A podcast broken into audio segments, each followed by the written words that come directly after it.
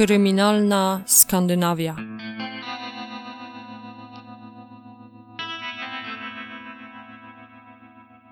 Ten podcast zawiera opisy brutalnych przestępstw i może nie być odpowiedni dla małoletnich słuchaczy. Chciałabym zacząć ten odcinek od podziękowań, które należą się Agnieszce. Uwierzyła we mnie i wspiera mnie dzielnie na Patronite. Aga, dziękuję, że ze mną jesteś. Dziękuję też Ewelinie, która pomogła mi poznać miasto, do którego się dziś przeniesiemy, poprzez zdjęcia, jakimi się ze mną podzieliła. Zanim zaczniemy, chciałabym z góry przeprosić za mój norweski.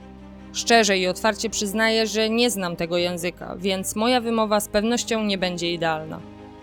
Moją ideą był podcast i takiej formy chciałabym się trzymać. Jednak ze względu na ogromną ilość zdjęć, ten odcinek polecam Wam obejrzeć na YouTubie. Insta ogranicza mnie do 10 zdjęć. Miłego słuchania. Dziś przenosimy się do Bergen. Na dzień dzisiejszy drugiego co do wielkości miasta w Norwegii, w województwie Hordaland, niemalże 1000 km na zachód od Sztokholmu. Miasto Bergen opisywane jest jako brama do fiordów i znajduje się na liście Światowego Dziedzictwa UNESCO. Położone na zachodnim wybrzeżu miasto otoczone jest przez góry i fiordy. W 1970 roku miasto to nie było zbyt popularne wśród turystów. Ludzie, którzy przybywali tutaj, zazwyczaj mieli określony biznes. Bergen było siedzibą wojska norweskiego, ale również i NATO, które podczas trwającej zimnej wojny z Rosją stacjonowało m.in. właśnie w tym mieście.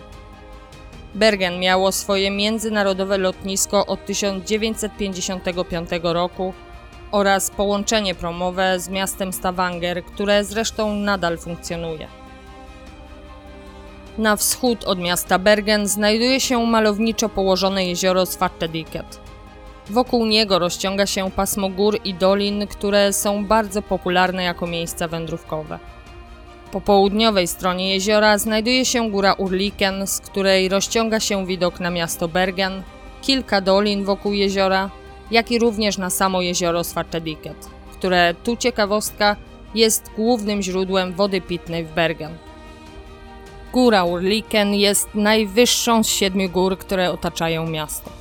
Do niej od strony jeziora przylega Dolina Izdalen. W tłumaczeniu na polski znaczy Dolina Lodowa. Izdalen była również nazywana Doliną Śmierci. Przyczyną tego były liczne wypadki, w których życie tracili wspinający się w góry ludzie. Miejsce to wybierali również samobójcy, którzy odbierali sobie życie poprzez skok ze stromego zbocza. Jest 29 listopada 1970 roku. Pewien profesor wraz ze swoimi dwoma córkami, 10 i 12 lat, jest na pieszej wycieczce w Dolinie Izdalen. W pewnym momencie rodzinę zaskoczył okropny zapach, którego nie sposób było nie poczuć. Jedna z córek zeszła ze szlaku, by sprawdzić, co to może być. Widok, jaki ukazał się dziewczynce, był przerażający. W gęsto zarośniętym obszarze, oddalonym od jakichkolwiek ścieżek, pomiędzy wielkimi kamieniami leżało zwęglone ciało. Mężczyzna oraz jego dwie córki musieli przebyć drogę z powrotem do Bergen, by zawiadomić policję. W tych czasach nie było jeszcze telefonów komórkowych. Przez następne półtorej godziny byli sami ze swoimi myślami w terenie, który opisywany był jako niełatwy do przemierzenia. Na miejsce przybywają policjanci z Bergen. Wśród nich na miejscu był również prawnik policyjny Karl Harvor As, który wspomina, że najpierw poczuli niesamowity smród. Już kilka metrów przed dotarciem do miejsca można było go poczuć. Był to fetor spalonego mięsa. Ofiara leżała na plecach pomiędzy wielkimi kamieniami z rękoma przed sobą delikatnie w górze.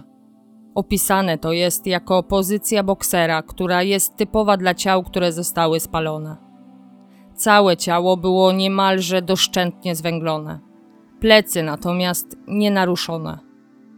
Ofiara była ubrana, a wokół porozkładane były różne przedmioty.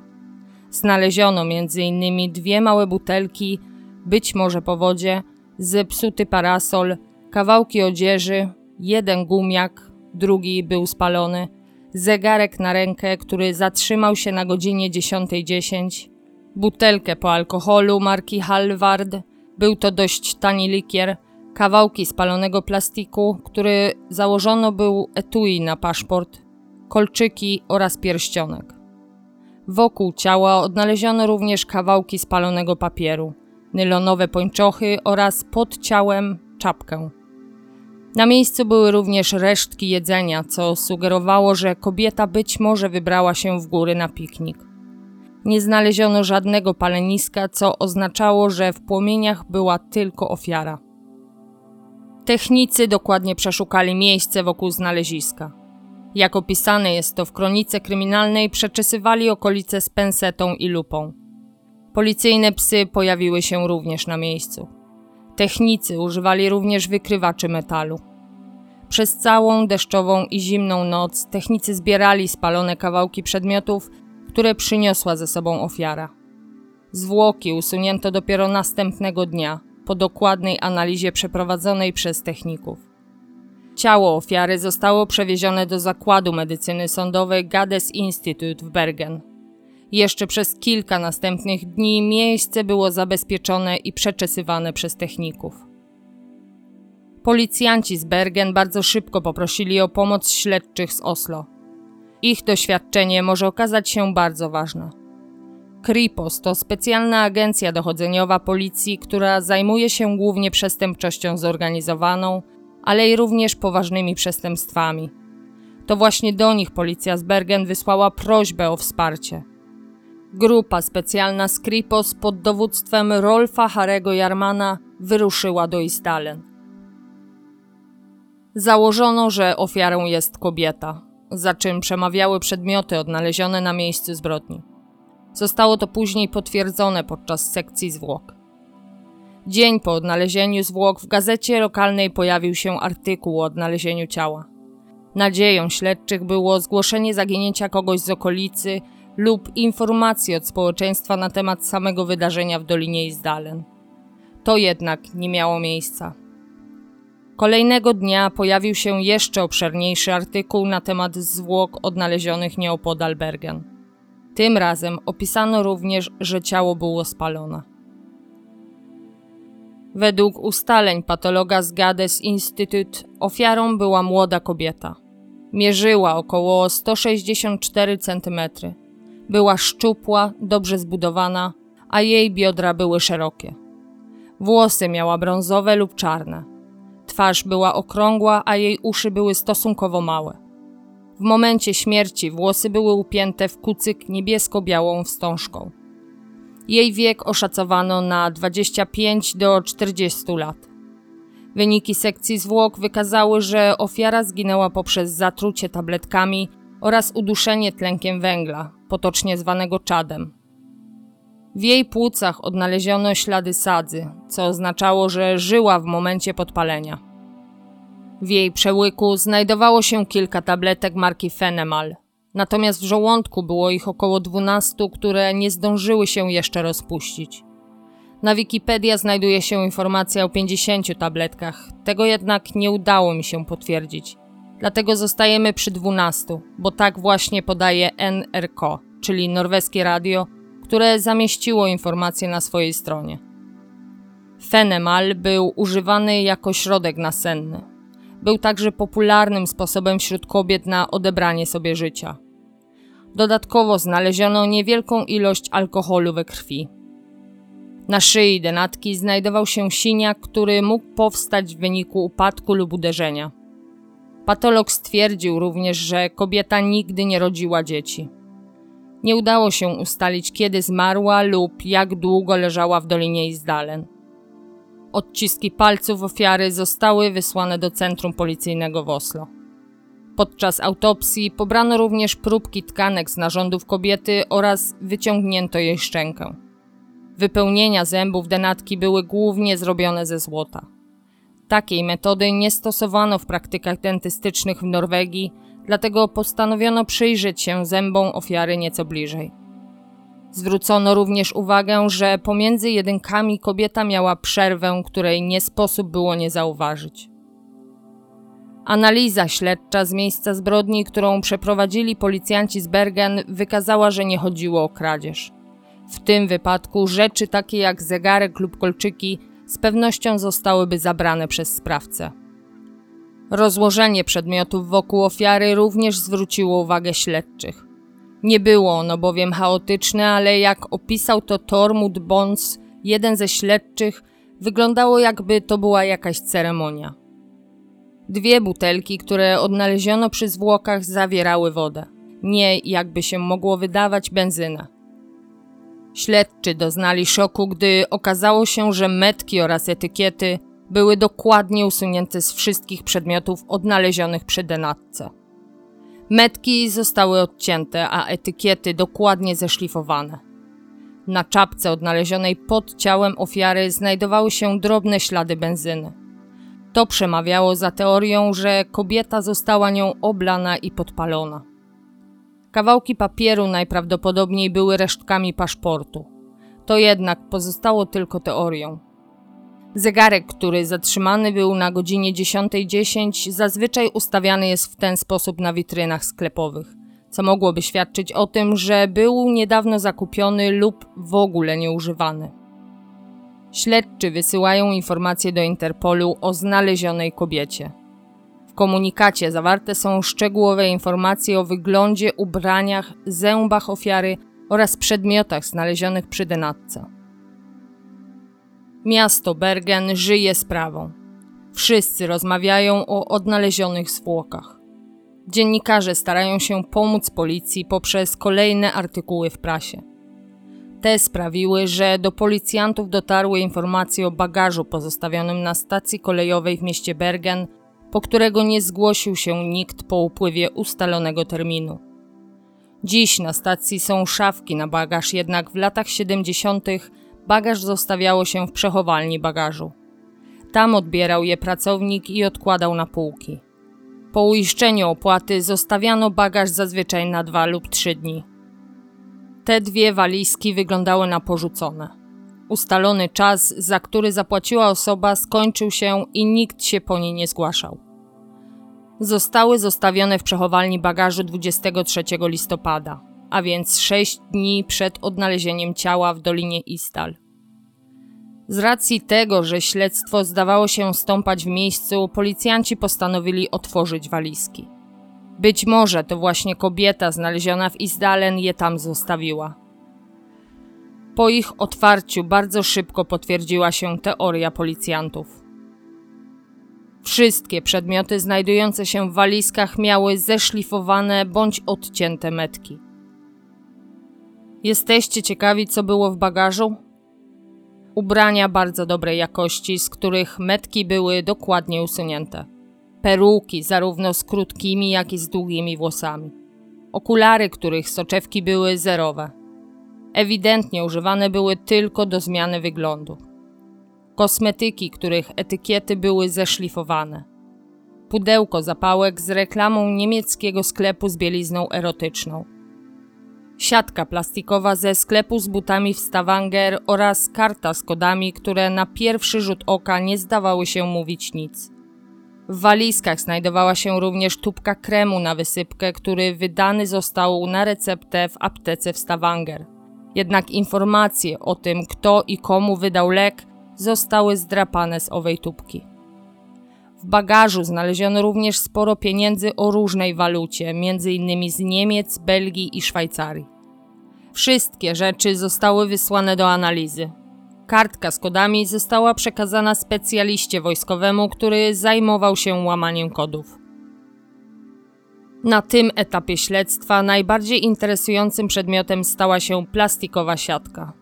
Łącząc ją z gumiakiem odnalezionym na miejscu zbrodni, śledczy założyli, że kobieta kupiła buty właśnie w sklepie w Stavanger.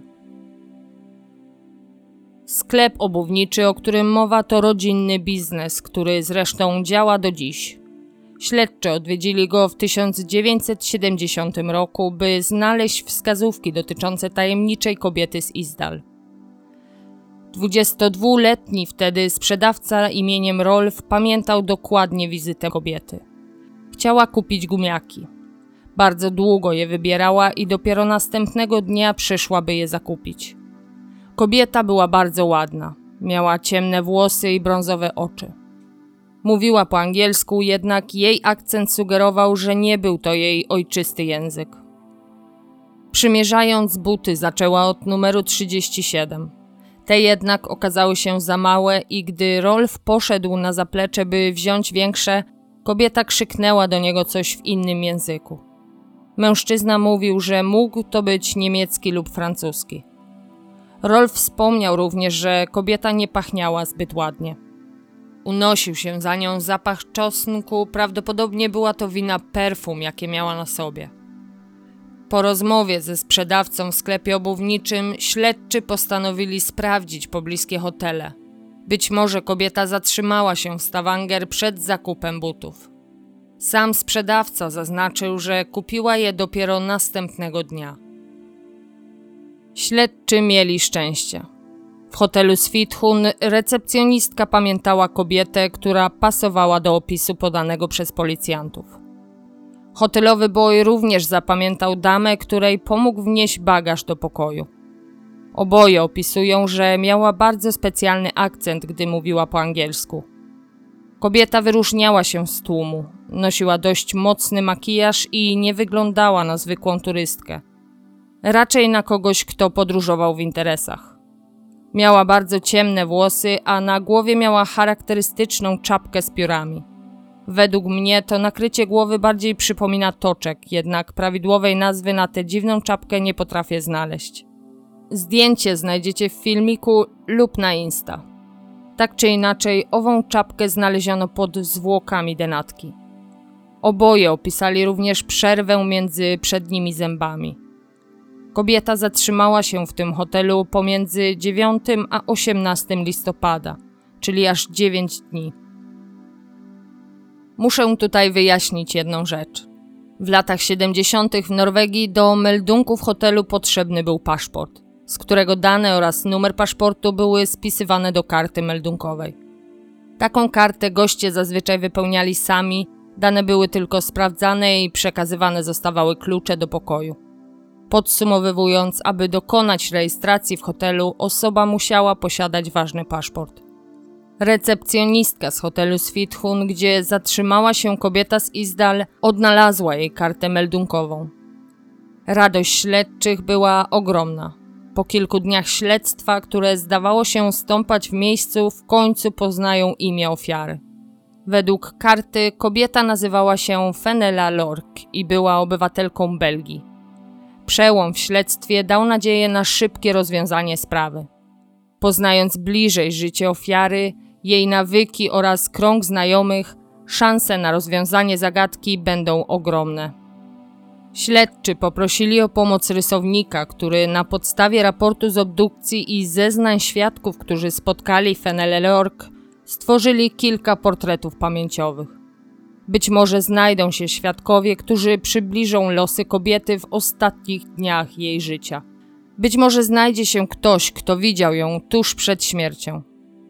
Dane Feneli Lork zostały również wysłane do Belgii, by w ten sposób dowiedzieć się więcej o życiu kobiety. To mogłoby przybliżyć powód, dla którego kobieta podróżowała między Belgią a miastami w Norwegii. Może nawet pomóc ustalić, z kim ewentualnie miała się spotkać. Każda informacja jest na wagę złota. Rysunki policyjne zostały opublikowane w prasie. Nadzieją śledczych był odzew osób, które widziały bądź znały ofiarę. Co działo się z Fenelą Lork pomiędzy 19 a 29 listopada, gdy odnaleziono ją martwą w Dolinie Istal? Zapewne takie pytanie padło w tym momencie śledztwa. Z pewnością wiemy już, że 23 listopada była na dworcu w Bergen, gdzie pozostawiła dwie walizki. Z policją kontaktuje się młody człowiek, który jest taksówkarzem. Informuje ich, że kobieta, której portret widział w gazecie, była jego klientką dnia 18 listopada. Jego zeznania pozwalają śledczym ustalić, że to właśnie tego dnia opuściła ona Stavanger. Taksówkarz bowiem zawiózł kobietę do portu i pomógł jej wnieść walizki na pokład promu odpływającego do Bergen. Mężczyzna wspomniał również, że kobieta miała charakterystyczną przerwę między zębami. 5 grudnia śledczy otrzymują odpowiedź od kolegów po fachu z Belgii. Kobieta imieniem Fenella Lork nie istnieje. Podobnie jak numer jej paszportu, który podała podczas rejestracji w hotelu w Stavanger. Paszport musiał zostać sfałszowany. Radość śledczych okazała się przedwczesna. Wiadomość ta przynosi niesamowite rozczarowanie. Śledztwo, zamiast zbliżać się do rozwiązania sprawy, zdaje się coraz bardziej utrudniać dotarcie do prawdy. 9 grudnia śledczy otrzymują informację o obecności odcisku palca ofiary na szkiełku od okularów, które znaleziono w walizce. To potwierdza, że kobieta z Izdal była właścicielką bagażu. Wróćmy teraz do kartki z kodami, którą odnaleziono w walizce. Kodów było sporo, wypisanych w trzech kolumnach koło siebie i jednej poniżej na środku. To właśnie ona posłuży nam jako przykład, na podstawie którego spróbujemy poznać rozwiązanie. Możecie to również zobaczyć na zdjęciach, które są na Insta i na YouTubie. Wers pierwszy. O przerwa 22, przerwa O 28, przerwa P, przerwa O 29, przerwa PS. Wiersz drugi O 29, przerwa S. Wojskowy specjalista od łamania kodów nie potrzebował dużo czasu, by odszyfrować kombinację. O22 to oktober 22, czyli październik 22. O28P oktober 28 Paris. O29PS oktober 29 Paris Stavanger. Kartka z kodami okazała się swojego rodzaju dziennikiem kobiety z Izdal, w którym zapisywane były jej podróże. Znowu pojawiła się nadzieja na odszyfrowanie zagadki tożsamości kobiety. Jeśli uda się śledczym dotrzeć do świadków, którzy widzieli bądź rozmawiali z tajemniczą kobietą, może to również przybliżyć jej życie. Być może uda się również dotrzeć do kogoś, kto denatkę znał i przedstawi jej prawdziwe dane. Kolejnym krokiem było sprawdzenie hoteli w Bergen w poszukiwaniu karty meldunkowej z imieniem i nazwiskiem, jakie podała kobieta z Isdal Fenella Lork. To jednak nie przyniosło efektów. Zdecydowano o przejrzeniu kart meldunkowych z hoteli, by porównać z nimi pismo kobiety z Isdal i to okazało się dobrym posunięciem. Udało się znaleźć kolejne imię, którym posługiwała się nasza denatka. Śledczy zabrali się za sprawdzanie hoteli w poszczególnych miastach, które najprawdopodobniej zostały zawarte w kodzie. Dotarli do kolejnych kart meldunkowych z pismem kobiety z Izdal. Okazało się, że posługiwała się ona przynajmniej siedmioma fałszywymi paszportami. Jak pamiętacie, by wynająć pokój w hotelu, trzeba było okazać ważny paszport. Co udało się ustalić? Sprawdźmy. Pomiędzy 21 a 24 marca 1970 roku kobieta z Izdal zatrzymała się w hotelu Viking w Oslo. Na karcie meldunkowej wpisała Genevieve Lancier jako swoje dane. Następnie spędziła jedną noc pomiędzy 24 a 25 marca w hotelu Bristol w Bergen pod nazwiskiem Claudia Tielt. Następnie przeniosła się do hotelu Scandia, również w Bergen i użyła tego samego nazwiska. Została tam do 1 kwietnia. Od kwietnia do października nie udało się ustalić ruchów kobiety z Istal. Wiadomo jednak, że 29 października zatrzymała się w Stavanger w KNA Hotelet pod nazwiskiem Claudia Nielsen, gdzie została jedną noc. Następnego dnia zameldowała się w hotelu Neptun w Bergen jako Alexia Zarne Marches i tam została do 5 listopada. Kolejne dwie noce spędziła w Trondheim, mieście położonym na północ od Bergen. Hotel nosił nazwę Bristol, a dane wpisane przez kobietę z Isdal to Vera Jarle. Już wiemy, że 9 listopada zameldowała się w Stavanger jako Fenella Lork, skąd wyjechała 18 listopada do Bergen. Pierwszą noc spędziła w hotelu Rosenkratz jako pani Linhof. 19 listopada zmieniła hotel na Hordaheimen, również w Bergen, gdzie podała imię Elizabeth Linhof. Tutaj została do 23 listopada. Tego dnia oddaje swoje bagaże do przechowalni na stacji kolejowej. Przy każdym meldunku kobieta podaje inną narodowość oraz datę urodzenia. Ta jednak waha się w przedziale między 25 a 30 lat. Wysłano również zapytanie do policji w Paryżu z prośbą o sprawdzenie hoteli i ich kart z dnia 29 października. Co działo się z kobietą od 23 listopada? Czy być może to właśnie jest data jej śmierci? 22 grudnia 1970 roku śledczy organizują konferencję prasową, na której informują społeczeństwo o kobiecie znalezionej w Dolinie Istal. Ze względu na brak identyfikacji kobiety oraz liczne personalia, jakimi się posługiwała, śledczy otrzymali pytanie, czy kobieta być może była szpiegiem.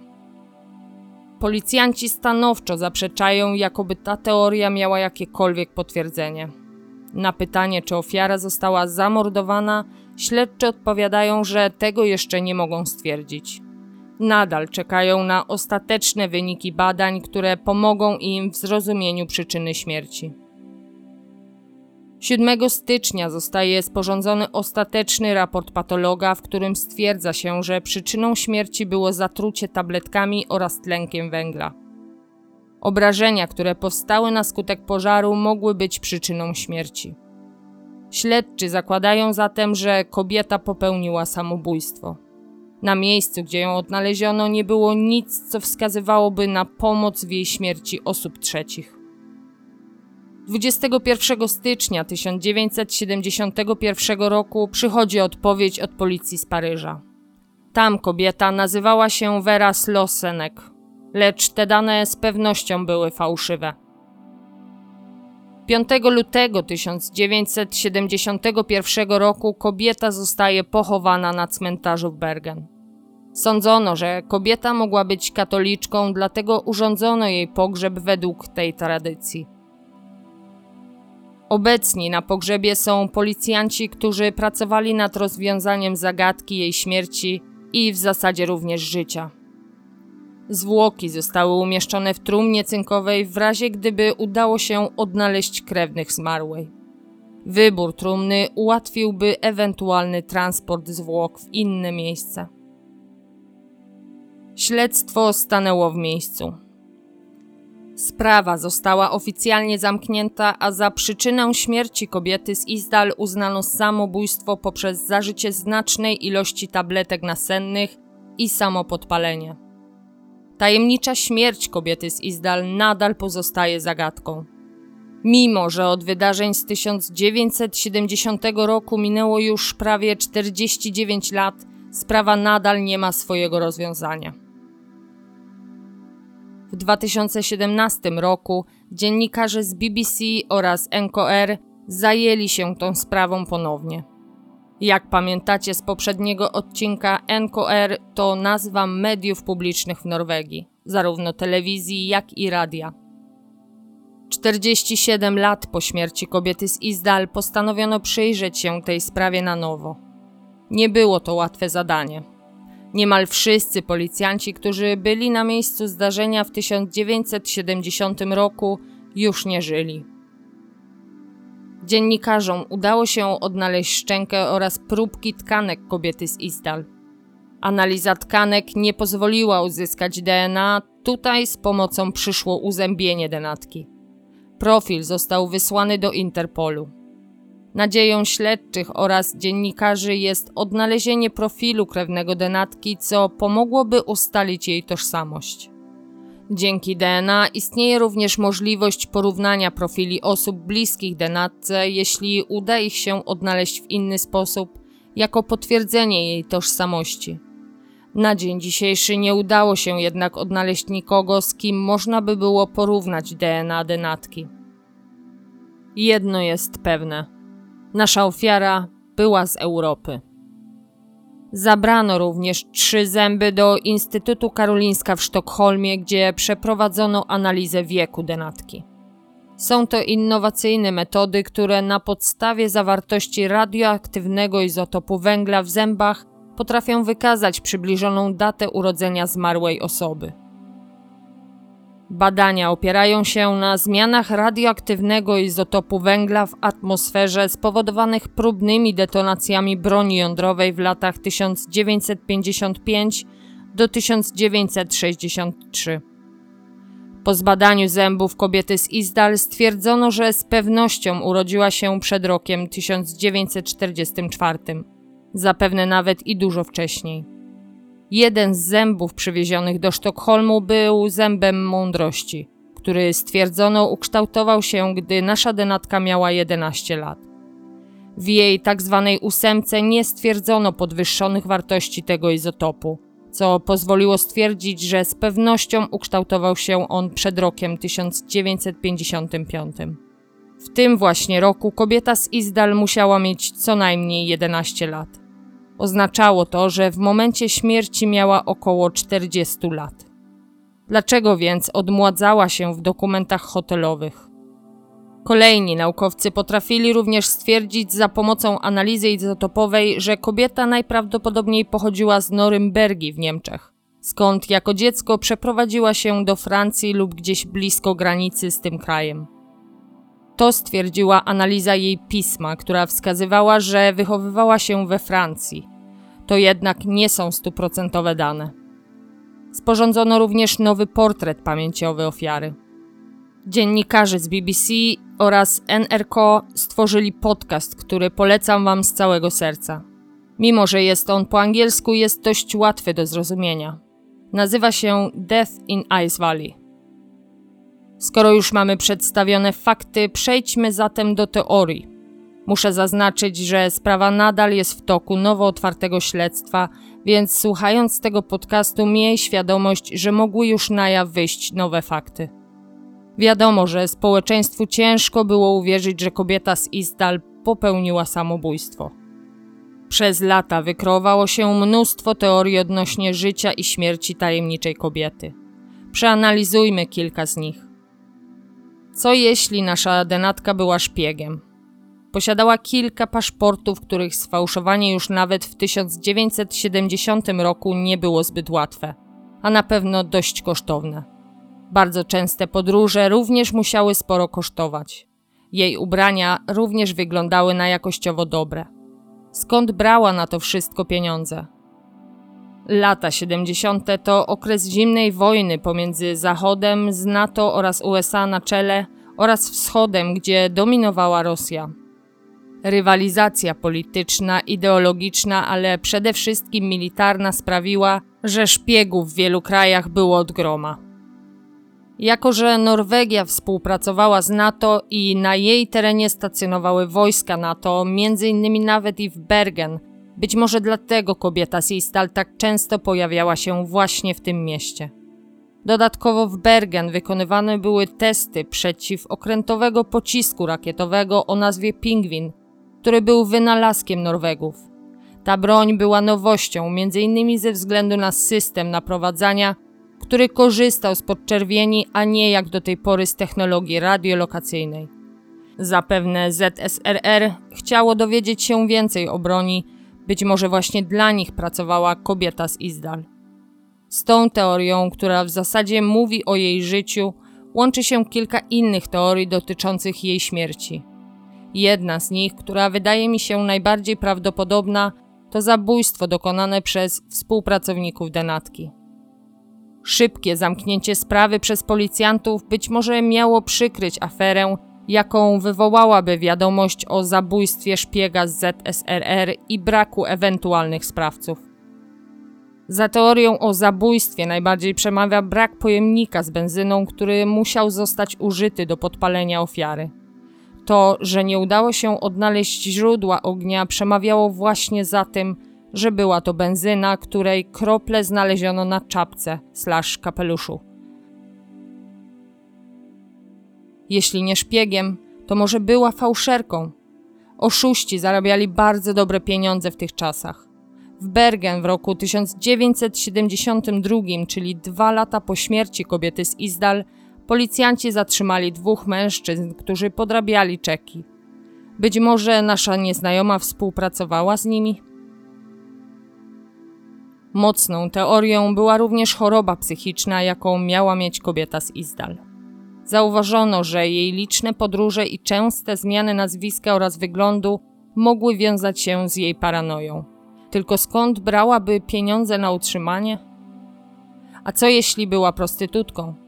Rzadko kiedy widziało się kobietę podróżującą samotnie. Jej ubrania oraz mocny makijaż przemawiałyby za tą teorią. Pieniądze również mogłyby być właśnie w ten sposób zarabiane. W jej bagażu znaleziono pudełko zapałek ze sklepu z bielizną erotyczną. Dziś jest to duża sieć sex shopów.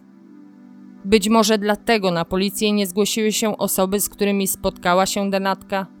Prostytucja była w Norwegii niezbyt akceptowana. Odmładzanie się w kartach meldunkowych przemawiałoby za tą teorią. Tylko dlaczego zmarła? Sprawa kobiety z Izdal jest bardzo interesująca. Ja osobiście nie lubię nierozwiązanych spraw, bo drażni mnie niewiedza, a bardzo nie lubię spekulacji. Mam małe skrzywienia, mianowicie zawsze sprawdzam dokładnie źródła różnych informacji. Na przykład te pilne na Facebooku, które często okazują się być napisane przez jakiegoś typa, co nawet nie skończył szkoły. Tak czy inaczej, nasza denatka nie da mi spokoju zapewne jeszcze długo. Najbardziej nurtuje mnie sposób, w jaki kobieta zmarła. Musiała zostać podpalona lub się podpalić. Tylko w jaki sposób? Upaść do ognia nie mogła, bo nic pod kobietą nie było spalone. Czego użyła, by wzniecić ogień? Jak myślicie? Uda się rozwiązać zagadkę życia i śmierci kobiety z Izdal? Zapraszam Was serdecznie na mój Patronite. Tworząc ten odcinek, urodziła się we mnie ogromna chęć pojechania do Bergen. Mimo, że nie jest to wyprawa na księżyc, to jednak koszta są spore. Pomóżcie mi zbierać na chociażby weekend w Bergen, a obiecuję Wam filmik z miejsca zbrodni. Na Insta znajdziecie info, w jaki sposób możecie mnie wesprzeć. Do usłyszenia.